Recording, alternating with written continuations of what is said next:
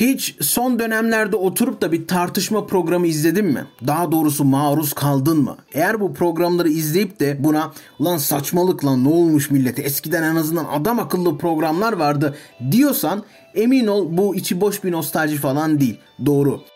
Propaganda.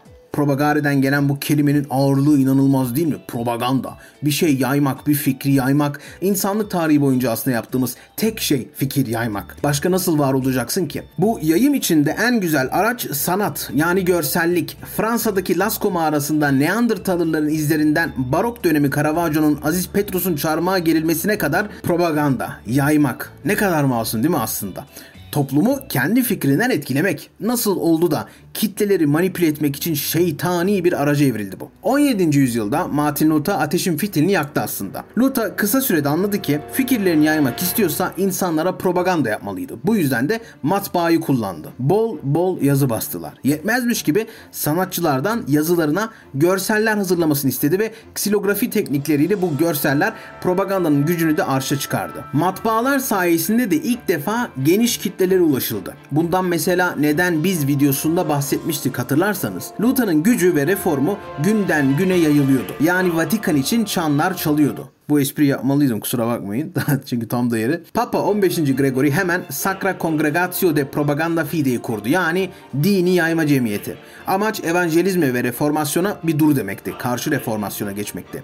Ve emin olun kilise elindeki bütün imkanlarını bu propaganda savaşı için kullandı. Karşı reformasyon için bir alet oldu. Bu yetmiyordu ama. Propagandada ustalaşılmıştı artık. Ve propaganda okulları açılıyordu. 1627 yılında Papa 8. Urban propaganda okulları açıp misyonerler yetiştirmeye başladı. Aradan zaman geçti. Aydınlanma sonrası din merkezli olunmasa da insanlar bu sefer bu propagandanın siyaset içinde kullanılabileceğini keşfetti. Jacobenler gibi mesela. Propaganda yeni değildi yani. Teknikleri de en az insanlık kadar eski. Propagandanın ilk defa bilimsel incelenmesi için toplumun da incelenmesi gerekiyordu. İşte bu da aslında Robert Ezra Park abimizle başlar. Sosyolojide Chicago okulunun kurucusu olan bu abimizin 1903 yılında Heidelberg Üniversitesi'nde yazdığı doktorası önemli. Masse und Publikum yani kalabalık ve halk. İşte burada toplum ve toplum psikolojisi hakkında önemli tespitlerde bulunur. Park ve propagandanın topluma etkisini analiz edebilmek için güzel bir zemin hazırlar. Park'a göre kalabalık ve halk ayrımı var. Park kalabalıkları şöyle özetliyor. Kişilik dediğimiz şey dışarıdan bakıldığında davranışlardan, içeriden bakıldığında dürtüler ve içgüdülerden oluşuyor. Bu dürtü ve içgüdülerin toplamı da bizim irademiz oluyor. Şimdi birey bu kişilikten çıkıp kalabalığa entegre olunca hisleri ve fikirleri aslında dürtüleri ve içgüdüleri de köreliyor. Yani yerine kolektif bir parkın Gesamtwillen dediği toplu irade oluşuyor. Birey artık bu toplu iradeyi kendi dürtüsü olarak kabul ediyor. Bu yüzden kalabalıkları kolay manipüle edebiliyorsunuz. Kolay yönlendirebiliyorsunuz. Halka yani kamuoyuna entegre olmak biraz daha zor. Burada empati yeteneğinin yanında düşünebilme kabiliyeti de gerekli. Kitleler bu sebeple geçici bir hadise. Dağılma tehlikesiyle karşı karşıya. Dağıldıktan sonra birey yine bireyselliğine dönünce kitle içerisindeyken yaptığı saçmalıkların farkına varabiliyor, onları görebiliyor. O yüzden kitleleri bir arada tutmak için bilinleştirici bir şey gerekli. İşte kitle ve kamuoyunu yani kalabalık ve halk arasındaki fark da bu. Halk eleştirisel yaklaşır çünkü halkın içerisinde insanlar ayrı ayrı düşüncelere sahiptir. Kitlelerse daha ilkel bir insan topluluğudur. Daha yeni bahsettiğim gibi. Halk arasında görüş ayrılıkları olduğu için halktır. Halk eleştirisel olmayı kestiği anda kitleye yani kalabalığa dönüşür. Kalabalığın da kitlesel bir dürtüsü vardır. Fark aslında burada. Yani halk bireyselliğini koruyan eleştirisel bireylerden oluşurken kitleler yani kalabalıklar bir bütün haline gelmiş ve bireyselliğini kaybetmiş insanlardan oluşuyor. Tabi halk arasında da kitleler var ama bir bütün olmadığı ve farklı gruplardan ve kitlelerden oluştuğu için eleştirisel bir toplum ortaya çıkıyor. Bu gerektiğinde karşılıklı eleştirisel yaklaşma ve çözümleme sayesinde de kamuoyu oluşuyor. Bu sebepledir ki bütün propaganda ustaları halklardan bir birlik, kalabalık yaratmak ister. Bireysel düşüncenin yok edildiği. Bu kalabalıklar güdüsel hareket ettiği için de yozlaşır ve kolektif suçların önü açılabilir. Yani aradaki farkı anladık mı? Kalabalık ve halk arasındaki temel fark kalabalık iç içgüdüsel hareket ederken halkta mantık hakimdir. Ancak bu değerler için geçerli değil. Sadece mantıken. Kalabalık psikolojisini anlayın ki nasıl yönetildiğini de anlayın. Dönelim tekrar propagandaya. Fakat bir ayrım yapalım. Propaganda ve public relation yani halkla ilişkiler yani PR. Bu fark önemli olacak. PR'ın kurucusu Lee 1906'da yazdığı prensiplerin deklarasyonuyla bu PR sisteminin temelini anlattı. Lee diyor ki burası gizli bir basın bürosu değil. Çalışmalarımız şeffaf, amacımız haberleri yaymak. Buraya kadar aslında size tespitler ve araştırmalardan bahsettik. Fakat ilk defa bunların nasıl kullanılması gerektiğine dair fikirlerden bahsedeceğiz. 1922'de bu sefer Walter Lippmann Public Opinion yani kamuoyu diye bir çalışma yayınladı. Bu çalışma bugün hala gazeteciliğin el kitaplarından biri. Lippmann'ın tezi özetli şu şekilde. Kamuoyu vatandaşlar tarafından yaratılmaz. Medya tarafından dikte edilir. Halk dediğin kontrol edilmesi ve yönlendirilmesi gereken bir kalabalıktır. Yönlendirecekler de eliter bir yönetici sınıf olmalıdır. Bu yönetici sınıfa da danışmanlık yapan uzmanlar olmalı. Konuları ve olayları tamamen anlamak normal vatandaşa fazla geliyor. Bu yüzden gatekeeper dediği gazeteciler neyin kamuoyuna aktarılacağına ve neyin gizli tutulacağına karar verecek. Bütün gazeteciler de bu formülle çalışacağı için ortaya çıkan haberler birbirlerini doğrulayacak ve böylelikle inandırıcılığı artacak. Yine Lippmann'a göre gerçek hayat aşırı komplike olduğu için yaratılacak stereotipler ve karikatürize figürlerle gerçek hayatın komplike realitesi kolaya indirgenecek ve halka sunulacak. Aptala anlatır gibi. Yani eğer devlet bir başka ülkenin çeşitli sebeplerden dolayı kötü olduğunu düşünüyorsa hatta savaş ilan edecekse ve elit sınıf buna karar verdiyse o zaman Lippmann'a göre onun işi halkı böyle stereotiplerle buna ikna etmek. Yani anlayacağınız Lippmann'ın derdi sadece propaganda ve etki değil. Kendisi demokrasinin kendisine inanmıyor. Ona göre halkın yönlendirilmesi gerekiyor. Eliter ve uzmanlardan oluşan bir sınıf kararları verecek. Konuyu zaten anlaması anlamasına imkan olmayan halk da propagandayla ikna edilecek. Bunun için daha çok böyle kolay bir dünya yaratılacak. Tüm basın aynı haberleri girecek. Resmen bir fanus yaratılacak. Böylelikle halkın iradesi yani kamuoyu yönlendirilecek. Yani halk aslında seçmiyor. Ortada demokrasi yok. Halk kendi kendine seçtiğini sandığı şeyi manipüle edildiği için seçiyor. İşte Lippmann'a göre sistem böyle bir şeye ihtiyaç duydu ve müsaade ettiği için de demokrasi ölü bir fikir. Hatta The Phantom Public'le bu demokrasi eleştirisini iyice arttırır sonra buna John Dewey meşhur bir cevap verir. Hatta ikisi arasında yine meşhur bir tartışma yaşanır. Lippmann Dewey tartışması diye. Siz bu tartışmayı okuyabilirsiniz bu videodan sonra. Fakat ikisinin de çıkış ve varış noktası farklı. Demokraside basının rolü nedir? Propaganda ile manipüle edilen bir toplumun kararları ne kadar demokratiktir? Bu demokrasi tartışmasını kenara koyarsak ana hatlarımıza geri dönelim. Ortada bir toplum, bir halk var ve bu kamuoyu nasıl manipüle edilir? Propaganda buraya evriliyor. Sanırım yavaş yavaş propaganda ve PR'ın farkını anlamaya başladınız. Tabii o dönemler bu ayrımlar pek yapılmıyor. Çünkü dünya savaşlarıyla hayatımıza girecek olan o şeytani propaganda araçları henüz bilinmiyor. Propaganda teknikleri demişken sıradaki isme geçelim. Asıl şeytana gelelim. Deccale gelelim. Sigmund Freud'un yeğeni Edward Bernays. Bu isim çok önemli. Bernays size şimdiye kadar anlattığım bütün akımları toplar, birleştirir ve Freud'un insan tanımını baz alarak bir kolektif psikoloji yorumlaması çıkarır ve der ki eğer grupların yani halkın düşüncelerindeki mekanizmayı ve motiflerini anlarsak kalabalıkları onlar bunu anlamadan kontrol edip istediğimiz gibi yönlendirebiliriz. Bu Edward Bernays özellikle Walter Lippmann'ı baz alır. Fakat Lippmann aslında bir demokrasi eleştirisi yapmıştı. Bernays ise bu eleştiriyi alıp bir çalışma metoduna çevirdi. Mesela Lippmann der ki halk stereotiplerle kolay kolay manipüle edilebilir. Bernays der ki halk stereotiplerle manipüle edilmelidir. Hem de şöyle şöyle örneklerle. Şimdi de Lippmann'a göre bunlar demokrasi için tehdittir. Bernays'a göre kullanılması gereken güzel pozitif araçlardır. İşte şeytanlık burada yatıyor. Bernays Freud'un çıkarımlarını ve Lippmann'ın eleştirilerinden bir manipülasyon metodolojisi çıkarır. Buna göre Freud'dan öğrendiği bilinçaltına hitap edecektir. Yani insanları bilinçaltına inerek ikna edecektir. Yani sen ikna edildiğinden haberin bile olmayacak. Kitabın bir bölümünde de şöyle açıklıyor bunu.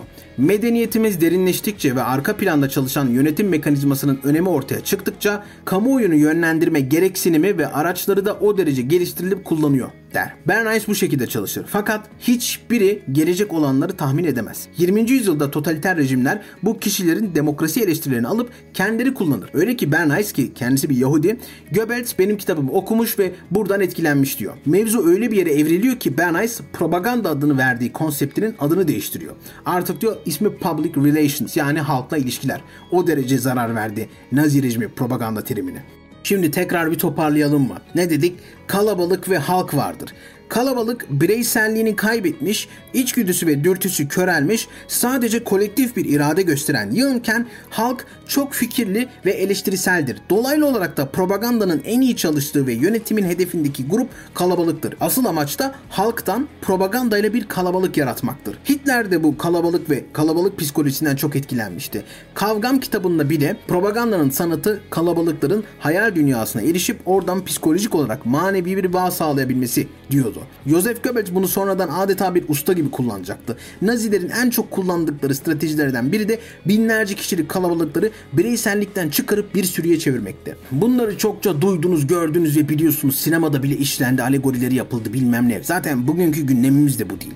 Peki kalabalık ve halktan bahsettik. Kalabalıkların manipülasyonu kolay dedik.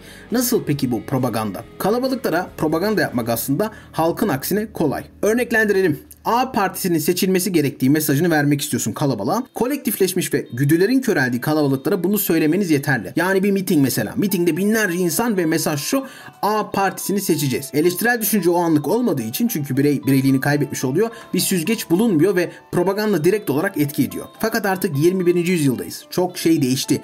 Propaganda teknikleri de gelişti. Dönemin propagandası bizimkinin yanında bugün neredeyse ilkel kalıyor. Değiştiğimiz gibi kalabalık yaratmak da zor artık. Hani hala yok değiller. Tabii ki de o mitingler var hiç şüphesiz ama halka propaganda artık daha zor. Bilgiye erişmek, bir şeyleri teyit etmek artık daha kolay. Propagandanın çeşitleri belli. Beyaz propaganda, direkt yapılan propaganda, kimin yaptığı belli. Kara propaganda, sahte propaganda yani sana yakın bir görüşten veya senden birinden geliyormuş gibi görünür ama aslında düşmandandır. Gri propaganda da en sinsi olanı. Daha nötr gibi gözüken birilerinin sana yaptıkları propaganda. Burada objektiflik beklerken aslında gafil avlanıyorsun. Günümüzde propaganda eskisi kadar kolay olmadığı için teknikleri de çok gelişti. Kalabalıkları toparlayıp propaganda basmak kolay. Artık bireyi manipüle etmek gerekli ve bireyi manipüle etmek yani kamuoyunu manipüle etmek kalabalığı manipüle etmek kadar kolay değil.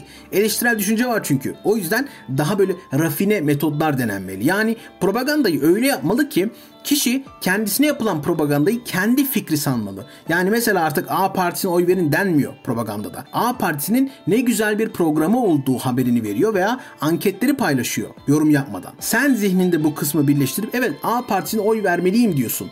Gelişmiş propaganda artık bu.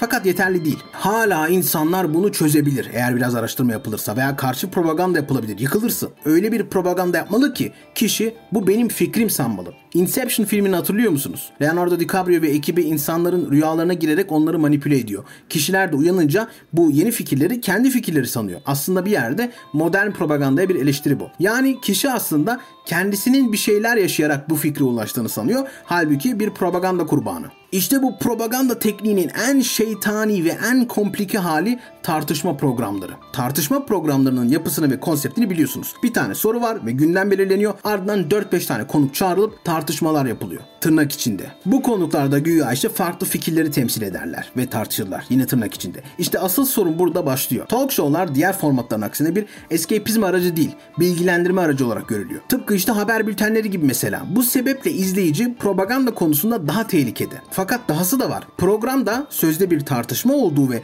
tartışmadan da bir sentez çıkarıldığı için izleyici bu sentezi yani ana fikri yani propagandayı olduğu gibi kabul edebiliyor. Süzgeçten geçirmiyor. Peki neden süzgeçten geçirmiyor? Çünkü süzgeç görevini oradaki tartışmacılar görüyor.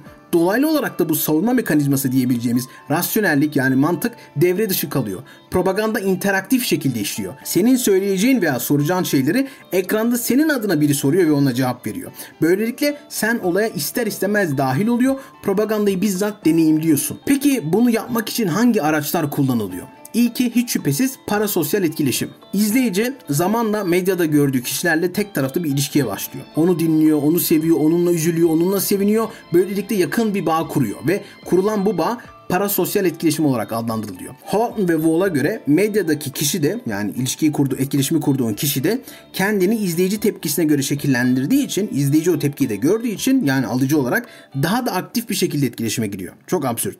Bu bir siyasi olabilir, bir spiker olabilir, bir gazeteci olabilir. İnsanlar bu kişilerle duygusal bir bağ kuruyor. İşte bu bağın üzerine kurulan da üçüncü kişi tekniği var. Üçüncü kişi tekniği pazarlamada bir başkasından duyduğun bilgiye daha hızlı inandığın için kullanılır. Yani Beklemediğin ve nötr gördüğün birinden aldığın bir bilgiye daha hızlı inanıyorsun. E ne de olsa konuyla alakası yok. Neden yalan söylesin ki diyorsun. Ya da şöyle gazeteci adam niye ABC partini savunsun değil mi? Gazeteci adam. işte üçüncü kişi tekniği bu. Peki kanalların amacı ne? Agenda setting yani gündem belirleme. Medya kişilerin bazı konular hakkında ne düşündüğüne karar veremez ama ne hakkında düşüneceğine karar verebilir. Buna da agenda setting diyoruz. Yani medya neyi düşüneceğinizi değil de ne hakkında düşüneceğinizi söyler. Mesela geçenlerde yaşanan Gülşen olayı çok güzel bir örnek benim için. Arka planı anladık. Peki kim bu oyuncular? Yani bunların hepsini anladık da bu işi yapanlar kim? Bu kişiler de spin doktorlar. Spin doktorun amacı toplum mühendisliği. Medyada ve medyadaki tartışmalara yön verme. Savunduğu kişiler için kötü giden şeyleri lehine çevirir. Yani spin, çevirmek. Kendilerine bu görev verilir medyada ve onlar da bu görevi bir güzel icra ederler. Toplumu manipüle ederler. Spin doktorlar kitleleri psikolojik olarak uygun duruma getirmek için sürüye uyma, korkuya başvurma, otoriteye başvurma, aşırı basitleştirme, sıradan konuları çekici hale getirme, halktan biri olma, stereotipler, hoşnutsuzluk yaratma gibi karmaşık teknikleri kullanarak çalışırlar. Bunun yanı sıra örtbas etme, yangına körükle gitme, kara para aklama, gözdağı verme yöntemlerini de gayet de net kullanırlar. Spin doktor terimi bilimsel olarak yani negatif kötü manada kullanılıyor. Şimdi hepinizin aklına mesela Rasim Ozan Kütahyalı gibileri geldi değil mi? Evet ama şimdi bunu söylesek inkar edecek dersiniz. Yo etmiyor aslında. Rasim Ozan Twitter'dan mesela diyor ki gayet böyle hiç utanmadan spin doktorluk yaptım iki dönem. 2008-2011 ile 2013-2016 arasında. iki siyasal devrim yaptığımız çok kritik iki periyot. Yani kendisi kendisini bir spin doktor olarak görüyor. Dahası da Ergenekon kumpaslarını ve çözüm sürecini siyasi bir devrim olarak görüyor. Bunu da saklamıyor. Halkı manipüle ettiğini, yalan konuştuğunu kabul ediyor. Gayet de cüretkar bir şekilde. E peki bu kadar basit mi? Tartışma programı inandırmak için yetiyor mu? Yani bir tartışma programı kursak biz de kitleleri manipüle edebilir miyiz? Hayır. Bir de bu işin başka bir kısmı var çünkü. Asıl etkili kısmı suskunluk sarmalı. 70'li yıllarda Elizabeth Neumann Die Schweigespirale teorisini yayınladı. Buna göre toplumun aksine aykırı bir düşünceye sahipsen bunu söylemekten çekiniyorsun, susuyorsun ve bu fikir uçurumu ne kadar büyürse senin suskunluğun da o kadar artıyor. Adı üstünde suskunluk sarmalı. Toplumdan dışlanma korkusu buna sebep oluyor ve televizyonu izlerken normalin bu olduğunu ve herkesin de böyle düşündüğüne inanırsan işte sen de o zaman susuyorsun. Senin gibi milyonlar olsa bile. Televizyonun tek yapması gereken şey seni senin yalnız olduğuna ikna etmek ve bunu en iyi yapanlardan biri de şüphesiz tartışma programları. Alternatif bir fikre yer vermiyor çünkü programın konsepti zaten konsept gibi iki tane fikir var. Yani sen istesen de istemesen de oradaki iki taraftan biri oluyorsun. Ki zaten bunu başardıktan sonra gerisi çok daha kolay çalışıyor. İşte eğer bir daha TV'yi açtığında tartışma programlarına denk gelip 20 dakika boş boş izledikten sonra ulan ben ne izledim AMK diyorsan bunun sebebini anlamış oldun. Peki ne yapmalı?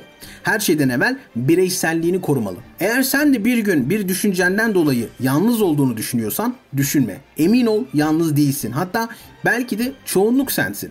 Halktan ol, halkın parçası ol ama kalabalıktan olma. Bireysellikten asla taviz verme. İnteraktif propagandanın en güçlü noktası kalabalık yaratmaya gerek duymadan bireyin mantıksal düşüncesini devre dışı bırakması. Başkasının senin adına düşünmesine müsaade etme.